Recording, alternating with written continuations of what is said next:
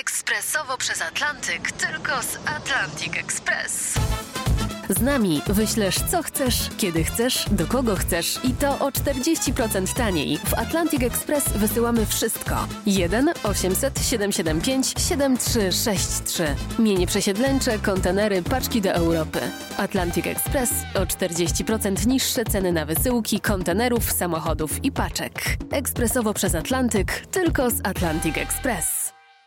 Dobry wieczór, witam Państwa. Jest z nami posłanka Paulina Matysiak, Nowa Lewica, Partia Razem. Witam Panią. Dzień dobry. Wiceszefowa Parlamentarnego Zespołu Tak dla Rozwoju, CPK Atom Porty, posłanka Lewicy, która chyba najmocniej zaangażowała się w obronę Centralnego Portu Komunikacyjnego w Baranowie. Jaki jest stan gry na dziś? Y, zbuduje rząd Tuska to, to CPK, czy, czy, czy, czy to będzie za, zaorane? Panie redaktorze, też chciałabym znać odpowiedź na to pytanie y, i mam nadzieję, że pan premier y, Donald Tusk, ale też pełnomocnik do spraw Centralnego Portu Komunikacyjnego, pan Maciej Lasek, odpowiedzą na to pytanie. To nie jest pytanie, które zadaję tylko ja, ale też wiele tysięcy Nie, no ale oni Polaków. mówią, że odpowiedzą, jak zrobią audyt, audyt musi potrwać i tak dalej. No. Znaczy, w, co do tego audytu, żeby była sprawa jasna, wydaje mi się, że nikt e, nie podważa zasadności tego, żeby ten audyt e, się odbył. Tak, niech nowa koalicja rządząca, nowi zarządzający też spółką, sprawujący nad nią nadzór, wiedzą, co tam się działo, wiedzą, za co odpowiadają ci, którzy prowadzili tą inwestycję, do tej pory, wiedzą za co będą odpowiadali e, następcy. Natomiast e, prowadzenie audytu, na razie mamy ogłoszenia przetargowe 3, nie powinny zatrzymywać postępowania prac, tych prac, które są zaplanowane. Na ten moment jesteśmy w sytuacji, w której mamy wstrzymywanie, przeciąganie wydania decyzji lokalizacyjnej już o kilkadziesiąt dni. Ta decyzja już powinna e, być wydana, jest tutaj gra na czas. E, na ten moment wiemy, że nie zostały złożone wnioski e, o finansowanie unijne. Z czterech wniosków złożone zostały dwa. Ostatnio, tydzień temu, pan Lasek tłumaczył nam w parlamencie, że one po prostu były źle napisane. Y, Czyli były, pieniądze nie, były unijne, niedojrzałe, to jest pieniądze dokładny unijne cytat. na węzeł kolejowy przy tym, przy tym lotnisku, który miał tam powstać. Tak. I, to, I na to, kolej dużych prędkości między Warszawą a Łodzią. O to rząd nie wystąpił, co jak rozumiem sugeruje, że jednak chce projekt wstrzymać. A pani ma wrażenie, że coś się w tej sprawie zmienia? No bo Donald Tusk ostatnio, w niedzielę dokładniej powiedział, Mrągowie, że będziemy budować CPK, mm, będziemy tylko liczyć każdy publiczny grosz. Jak pani odbiera takie deklaracje premiera? Ja się oczywiście pod tym podpisuję. Tak, sprawdzajmy te y, wydatki, które idą z publicznych y, pieniędzy. Tutaj chyba nikt nie ma co do tego wątpliwości. Natomiast jeszcze wracając do tych wniosków, bo oczywiście y, można się zasłaniać tym, że one były źle, źle napisane, ale już w tym tygodniu pan minister Lasek mówił o tym, że tak naprawdę Y, wniosek na węzeł CPK, który i tak jest potrzebny, nawet gdyby nie chciano budować lotniska, jest po prostu potrzebny, e, jeżeli chodzi w ogóle o y, mm, finansowanie i wybudowanie tej kolei dużych prędkości, nie został złożony, ponieważ czekają na to czy będzie ten projekt kontynuowany. Więc y, słyszymy tak naprawdę bardzo ale różne, czym różne nie, rzeczy. Ale dobrze, to wprost zapytam, no, o czym to pani zdaniem świadczy? Czy, czy ta nowa ekipa no, tak nie znosi tego pisowskiego projektu, że, że chce go zaorać i udaje, czy, czy czy, czy nie, czy chcą rzeczywiście coś sprawdzić. Czy pani, czy, czy, pani umie odpowiedzieć na to pytanie? Bo ja kompletnie nie rozumiem z tej kakofonii, która, która dobiega z obozu rządowego w sprawie Tak, to CPK. jest chyba dobre określenie, ta kakofonia, ponieważ dostajemy sprzeczne informacje. Ja bym oczekiwała i od premiera, i od e, pełnomocnika jasnej deklaracji. Projekt będzie kontynuowany, nie będzie sabotowany, nie będzie e, przedłużany w nieskończoność. Audyt niech się toczy. Dobrze, że będą do tego wybrane zewnętrzne, eksperckie firmy, które po prostu sprawdzą, co tam się działo. Natomiast te rzeczy, które możemy realizować, które zostały zaplanowane, niech się po prostu dzieją, bo prawda jest taka, że budowa samego lotniska mogłaby się zacząć już w tym roku i realną datą y, oddania go do użytku jest pewnie rok 2030, może 31. Ale jeżeli będziemy postępować tak, jak widzimy to przez te ostatnie dwa miesiące, y, nie składając wniosków o dofinansowanie unijne, to być może będzie tak, jak ostatnio mówił y, minister Lasek, że tak naprawdę te harmonogramy wydłużą się jeszcze 6, 7, 8 lat, co też jest zastanawiające, bo przecież sam pan minister sobie zaprzecza, bo z jednej strony czeka na audyt, który ma sprawdzić harmonogramy, a z drugiej strony już no teraz wie, o ile się wydłuży ten ja projekt. Ja zacytuję, bo z jednej strony premier mówi, że ten projekt będzie kontynuowany, chociaż w tej sprawie miał inne zdanie jeszcze miesiąc temu, ale mam najświeższe wpisy posłów, polityków Koalicji Obywatelskiej. Pisowska gigantomania, e, łąka pod Baranowem, haha, krowy się pasą, nie wbito nawet łopaty. E, ostatnio pani posłanka Kierzek-Koperska z Platformy zamieściła taki filmik e, na Twitterze. CPK to kolejny przekręt, czas na prawdę i uczciwość. Co by pani odpowiedziała na te, na te zarzuty? Nikt. e, Nie wbito ten- łopaty. nikt- Łąka pod Baranowem nie wbito łopaty. To jest e, prawda, no nie nie- wbito łopaty. E, Nikt już w ten spin nie wierzy. Tak naprawdę to jest ośmieszanie się używanie tych argumentów dotyczących pilnowania łąki pod Baranowem. Wiadomo, że każda tak duża inwestycja ma taki etap, w którym faktycznie nic się w konkretnym miejscu nie robi, bo mamy po prostu fazę projektową, e, zdobywania kolejnych e, pozwoleń, e, kolejnych zezwoleń. A jakby pani I, tę- miała... Mhm. I ten etap mamy, mamy za sobą. Natomiast e, za, z, zostały rozpoczęte już konkretne prace, bo na przykład mamy palowanie, jeżeli chodzi o Łódź. Tam ma przebiegać e, drugi tunel dla kolei dużych prędkości. Czyli więc coś już więc nie dzieje. jest tak, że Okej. nic się nie zaczęło dziać. A czy pani potrafiłaby w trzech krótkich zdaniach przekonać e, przeciwnika CPK, który po prostu nie chce tej inwestycji, uważa, że to jest gigantomania, przeskalowane, że to jest niepotrzebne. 150 miliardów, proszę pani, mamy przecież inne potrzeby w Polsce. 150 miliardów przepalimy na jakiś wielki projekt. Czy pani umiałaby krótko kogoś takiego przekonać i, i czym? Zdecydowanie to jest projekt na miarę naszych możliwości, także finansowych. Ostatnio potwierdziła to pani minister Pełczyńska-Nałęcz, że nas stać na Bo to jest budowę 150 CPK. miliardów ile lat? Y, To jest bardzo rozciągnięte w czasie. W tym momencie największe, największa y, kwestia ta finansowa dotyczy przede wszystkim linii dużych prędkości, nawet nie samo lotnisko. Czyli I lotnisko- kolejowa jest najdroższa. Tak, Ta- jest najdroższa. Zdecydowanie y, lot, y, lotniska potrzebujemy. Wszyscy eksperci mówią, że mamy sufit, y, jeżeli chodzi o przepustowość na lotnisku Chopina i potrzebujemy to lotnisko po prostu przenieść w inne miejsce, tak żeby ono mogło się rozwijać. Ja w ogóle polecam też te głosy, które, w, które dochodzą y, ze strony też zwykłych osób. Y, Niekoniecznie tylko ekspertów. Te eksperckie debaty oczywiście można y, obejrzeć. Jest oddolna petycja tak dla rozwoju.pl i tam jak wejdzie się w tę część, gdzie ludzie się podpisują, bardzo często znajdują się uzasadnienia, czemu różne osoby z różnych zakątków kraju chcą tej inwestycji, bo widzą w tym y, szanse gospodarcze, widzą szanse rozwojowe dla kraju, bo chcą jeździć Pani jest szybką na koleją. 100% przekonana, że to ma sens? Tak. Czy na 90%? Jestem, jestem przekonana, I lotnisko, Y, i kolej, tak? tak. I y, Chociaż razu... była pani przeciwniczką lotniska Tak, parę lat byłam. temu. To jest, to jest pełna zgoda. To jest pełna zgoda i przekonały mnie te głosy eksperckie. Ja też się y, nie zajmowałam jakoś y, specjalistycznie tym rynkiem y, lotniczym. Natomiast po wysłuchaniu tych argumentów ze strony ekspertów, tych osób, które się mm, na tym znają, które pracowały w lotnictwie, tak, to lotnisko też nam jest y, potrzebne. Mało tego, jak sięgniemy do opracowań, to wszystkie rządy, które przeprowadzały analizy, począwszy od rządu Sojuszu Lewicy Demokratycznej przez PO, PSL i Prawo i Chciały to Sprawiedliwość, budować. tak, Dobrze, to krótko, potrzebę szczerze, na koniec. Czy pani uważa, że powstanie to lotnisko, czy nie? powstania. Powstanie. Możliwe, że się zmieni nazwa, możliwe, że będą jakieś zmiany, jeżeli chodzi o ten komponent kolejowy, albo będą jakieś cięcia, natomiast ten projekt jest nam po prostu potrzebny. Bardzo dziękuję. Zostajemy w radiu internetowym RMF24 z posłanką Pauliną Matysiak z Nowej Lewicy Partii Razem. Porozmawiamy między innymi o wojnie. Zapraszam. No dobrze, zamiast, zanim ciężki temat, to, to inny ciężki, też właściwie ciężki temat, czy, czy zdelegalizować Janosika? Wie pani, co to jest Janosik? Wiem, chociaż nie korzystam, bo nie mam prawa jazdy i nie mam własnego samochodu.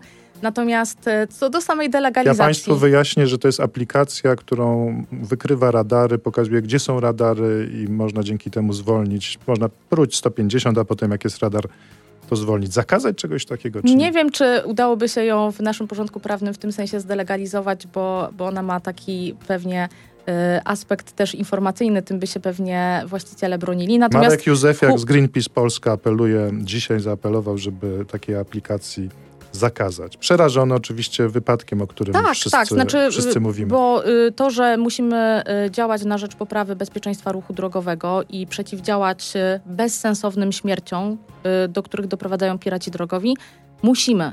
Y, Tutaj to jest jasne. Jeszcze humorystycznie a propos Janosika, to nie wiem, czy Państwo wiedzą, czy Pan redaktor wie, że y, Janosika za pieniądze z ryczałtu na prowadzenie biura poselskiego kupił były minister infrastruktury Andrzej Adamczyk. pisał sobie to w koszty prowadzenia biura. Pytanie, No, bo po musi co? szybko dojechać, potrzebuje Janosika, rozumiem. Więc E, to tylko pokazuje się nastawienie też e, poprzedniej władzy czy poprzednich e, ministrów do, do tej kwestii. Chociaż też jasno powiedzmy, że te zmiany, które wprowadził PiS, poprawiły bezpieczeństwo w ruchu drogowym. To nie jest tak, że my teraz powinniśmy jakby spocząć na laurach, bo to bezpieczeństwo musimy poprawiać. W 2022 roku prawie 2000 osób zginęło. Zginęło na polskich drogach i powinniśmy naprawdę zacząć myśleć o tym, żeby dążyć do takiej wizji zero, żeby minimalizować te śmierci. Nie, ale co zrobić, bo pani się tym bezpieczeństwem ruchu drogowego zajmowała.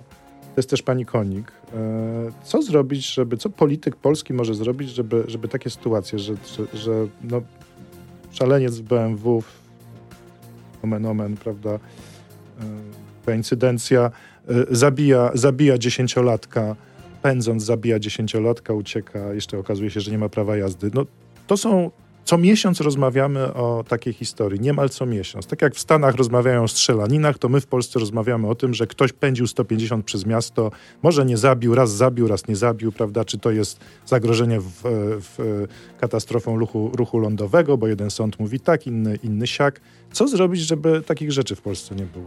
Mm, My już niektóre rzeczy zrobiliśmy, jeszcze y, sporo zostaje do zrobienia. I teraz tak, podnieśliśmy y, wysokość mandatów. Bardzo dobrze. Nie działa, To, co, to, co powinniśmy teraz Albo zrobić, to skutecznie ścigać po prostu tych y, przestępców, bo na razie mamy sytuację taką, że y, sprzed kilku miesięcy wypadek, y, zginęła cała rodzina, spłonęła w samochodzie na autostradzie i co słyszymy z mediów, że ta osoba, która była podejrzana o spowodowanie tego wypadku, wychodzi gdzieś z aresztu w Dubaju i szukaj wiatru w polu. Znaczy, to jest kompromitacja polskiego systemu, polskiej policji, że my tak naprawdę nie jesteśmy Ale w co, stanie nastawiać skutecznie... tych radarów wszędzie tyle, że, że My po mamy- prostu nie da się jechać mamy- bez, bez kontroli? Czy Mamy jak- za mało radarów w porównaniu do, mm, do sieci naszych dróg, w porównaniu do innych państw i ich powinno być więcej. To jest jakby jedna rzecz. Dużo więcej, A- czy trochę więcej, czy, czy trzy No razy mamy więcej? kilkaset, powinniśmy mieć co najmniej kilka tysięcy.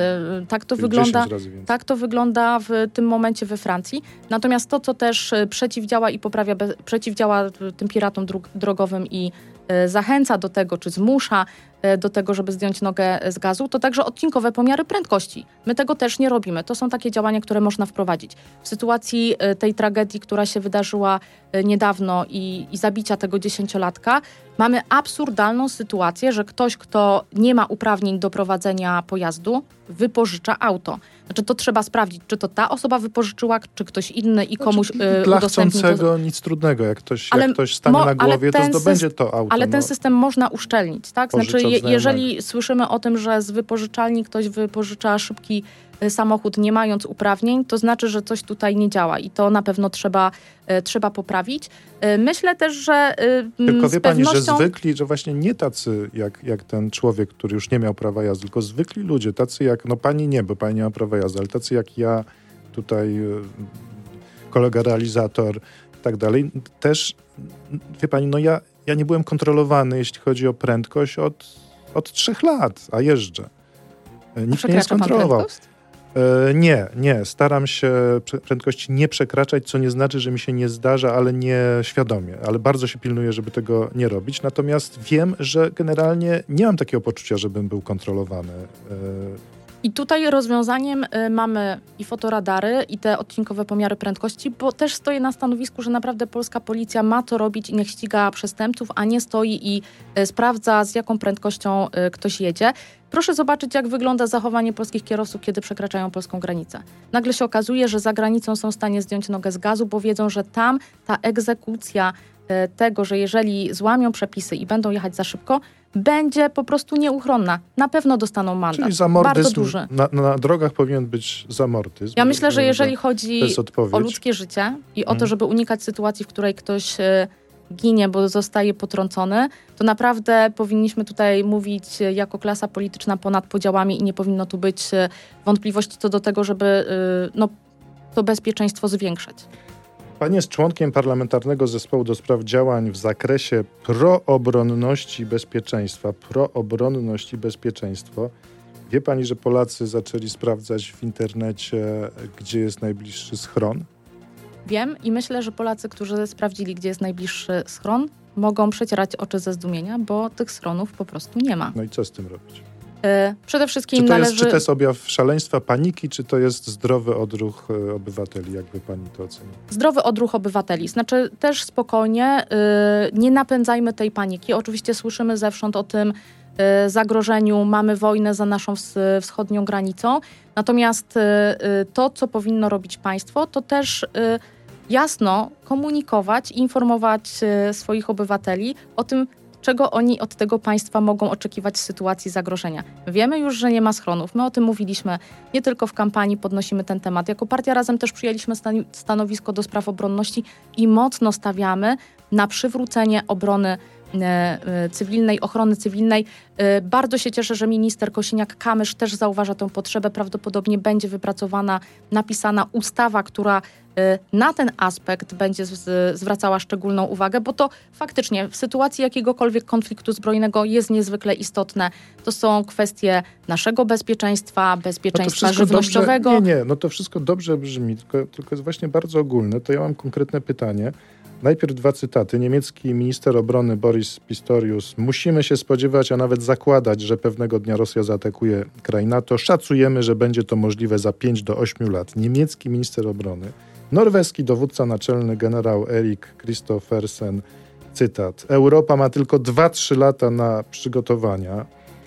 Szwecji naczelny dowództwa sił zbrojnych generał Mikael Byden wzywa ludność do mentalnego przygotowania się do wojny i tworzenia rezerw materiałowych, co, cokolwiek to oznacza, robienia zapasów po prostu. E, czy, czy pani na przykład uważa, że, że ja i pani powinniśmy być raz w roku na dwa tygodnie wzywani do wojska, przechodzić jakieś może nie do wojska, ale w każdym razie przechodzić takie szkolenie właśnie z obrony cywilnej, no, no że coś się powinno dziać, e, a nie ja bardzo bym się, się Ja bym się z tego powodu na pewno nie obraziła i chętnie bym się dowiedziała tego, jak udzielić pierwszej pomocy, e, jak się zachowywać w sytuacji jakichś e, nagłych, czy nagłego konfliktu, czy jakiegokolwiek innego zagrożenia, także naturalnego. Pewnie to by się przydało, natomiast my o tym mówimy jako razem właśnie mówiąc o tej ochronie cywilnej, służbie ochrony cywilnej, bo właśnie tam takie osoby mogłyby się też po prostu same zgłosić. Ja przypuszczam, że takich osób, które nie wiedzą, co zrobić, a które chciałyby się dowiedzieć, w Polsce jest sporo i w tym momencie one nawet nie mają dokąd pójść. Nie mają do kogo się odezwać, nie mają y, komu powiedzieć: Hej, jestem i chcę się dowiedzieć, co powinienem zrobić, jeżeli coś się wydarzy, y, jak mam postępować, y, jak się zachować. Tego brakuje. Ale czy, czy, pani ma takie poczucie, że, że jakby polscy politycy zaczęli mówić o tworzeniu rezerw materiałowych, tak jak ten, ten naczelny dowództwa w Szwecji, naczelny dowództwa sił zbrojnych w Szwecji, to, to, to więcej z tego było paniki czy, czy jakiegoś otrzeźwienia? Bo mam wrażenie, że wy politycy o, o tej wojnie oczywiście pytani w programach, no coś tam mówicie, ale, ale nie wiem, może się mylę, no, no, no nie ma takiego przekonania czy, czy jakiegoś, jakichś działań, bo żyjemy przecież jednak w kraju frontowym. No, no za chwilę Przede wszystkim e, takie rezerwy materiałowe i tak są y, y, robione, są gromadzone. Mamy do tego specjalnie powołaną przecież agencję. I też jak cofniemy się kilka lat w czasie, to doskonale wiemy, że pandemia nam też unaoczniła to, jak jest to ważne, tak? Jak przepływ w ogóle towarów zahamowany z różnych powodów może zachwiać całą gospodarką, czy całymi sektorami, czy dotyczącymi ochrony zdrowia, e, czy na przykład biznesowymi, związanymi z informatyką, z sektorem e, tym e, automotive, bo przecież kwestia dostawy czy braku dostaw półprzewodników zatrzymała rozwój też poszczególnych rynków, więc to nie jest nic nowego, że powinniśmy stawiać już nawet nie tylko jako Polska, ale generalnie jako Europa na samowystarczalność, była podnoszona, jest podnoszona od y, jakiegoś czasu.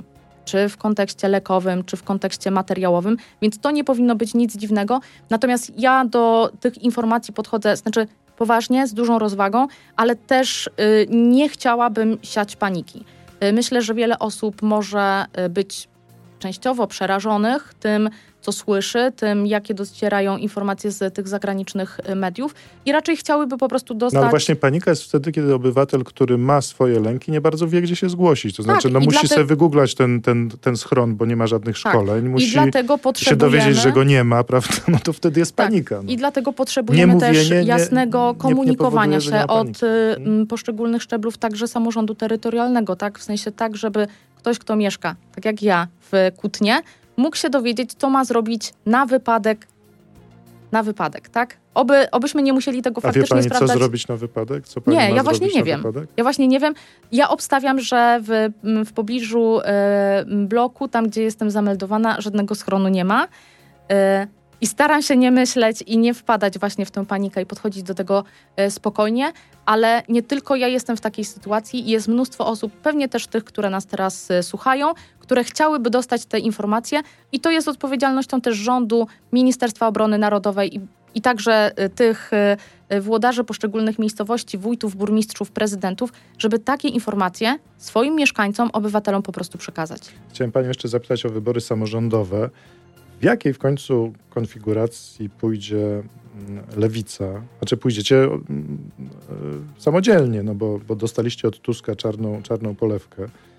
E, Ale chciałem zapytać na- przykład o Łódź, e, którą, którą pani dobrze zna. Tam jest dziwna sytuacja, ponieważ Tomasz Trela, poseł Nowej Lewicy, pisze, że jeśli pani prezydent Zdanowska ogłasza swój start, to Lewica nie, wy, nie wystawia swojej kandydatury i popierać będzie panią Zdanowską. Chcemy dalej w spokoju modernizować, zmieniać nasze miasto. Dobrą prezydentką jest pani, pani Zdanowska? Pa, jak pani uważa? Ja tej prezydentury nie oceniam zbyt pozytywnie. E, tutaj mamy e, rozdźwięk, jeżeli chodzi o ocenę tej prezydentury. I faktycznie e, działacze i e, politycy nowej lewicy pewnie pójdą w jednym komitecie z Hanną Zdanowską, tak jak to było w poprzednich wyborach. A z kolei nasi działacze, politycy, ci, którzy mieszkają w Łodzi, którzy będą startowali do Rady Miasta w innym komitecie. Ja na razie tutaj nie będę Już, już nie- widzę te, te komentarze. wie wie nie- pani, jak, jak nie będę, razem, czyli e, osobno. Nie będę opowiadała, jaki to jest Dobrze. komitet, pozwólmy mu się zaprezentować. Natomiast czy Adam Kępiński, czy Martyna Urbańczyk, e, nasi politycy tam na miejscu w Łodzi, będzie można na nich e, zagłosować, e, wybrać ich A e, w jako Warszawie radnych. lewica się dogada e, całość, łącznie z partią razem, żeby mieć wspólnego kandydata, kandydatkę. Tak, myślę, że się dogada. Tak? I, Myślę, to że będzie, się I dogada. to będzie Magdalena Biejat? Ta kandydatura jeszcze nie została zaprezentowana e, oficjalnie. E, kandydatka czy kandydat zostanie oficjalnie zaprezentowany w tym tygodniu. Tyle mogę Państwu e, powiedzieć. Czy rewolta chłopska, którą mamy w Europie,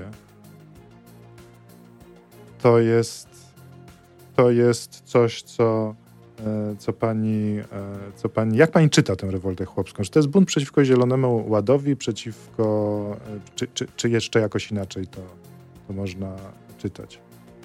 To jest bunt, który wynika ze strachu o własną przyszłość i tego, że rolnicy nie wiedzą, co z nimi będzie, y, nie mają jasnych komu- komunikatów, nie wiedzą, czego się spodziewać, bo y, oczywiście jest to związane z kwestią y, zmniejszania emisji, także w sektorze rolnictwa. Nie tylko, bo y, to ścinanie tych emisji dotyczy także innych y, obszarów, na przykład transportu, o tym można dużo opowiadać. Tutaj też naprzeciw wychodzi ten projekt, Ale od którego lewica, czy zaczęliśmy pani jako program. osoba, osoba, która popiera no, protesty, strajki, rozumie te strajki, czy, czy panią strajki, na których głównym hasłem jest odejście od Zielonego Ładu, stra- strajki rolnicze, czy pani te protesty jest w stanie poprzeć, zrozumieć, czy raczej, czy raczej uważa pani, że one są szkodliwe? Ja je rozumiem. Ja je Mhm. rozumiem, z czego to wynika. Tak jak mówię, w dużej mierze to wynika ze strachu o własną przyszłość, o to, jak będzie ta przyszłość y, wyglądała. Y, I myślę, że potrzebujemy y, pewnego konsensusu i pewnej zgody na to, że od pewnych spraw musimy odejść albo musimy zmienić y, ten sposób działania, który y, dominował do tej pory, także w obszarze na Odpuściłaby przykład pani trochę y, Zielonego Ładu, rolnictwa. żeby uspokoić tych rolników, tak jak w tej chwili się Bruksela zachowuje? Odpuszczając pestycydy, odpuszczając różne inne zapisy, które... dyskutowałabym o tym. Wydaje mi się, że to jest trochę takie odpuszczanie takiej rzetelnej debaty, bo to nie jest tak, że używanie Albo, tych albo. pesty- pestycydów jest dla nas takie neutralne, niewinne. My wszyscy na tym rykoszetem możemy dostać też w. Musimy, musimy kończyć. Ja na koniec, być może niepotrzebnie, zacząłem bardzo gruby temat i bardzo, bardzo interesujący. Y, Będzie pewnie jeszcze okazja, żeby o buncie rolniczym, który kolejne kraje Europy y, ogarnia, żeby po- porozmawiać. Bardzo dziękuję. Dzisiaj e, moim Państwa gościem była posłanka Paulina Matysiak, Nowa Lewica, Partia Razem. Dziękuję Bardzo i dziękuję. zapraszam. Dobrego wieczoru. Zapraszam jutro na popołudniową rozmowę w RMF.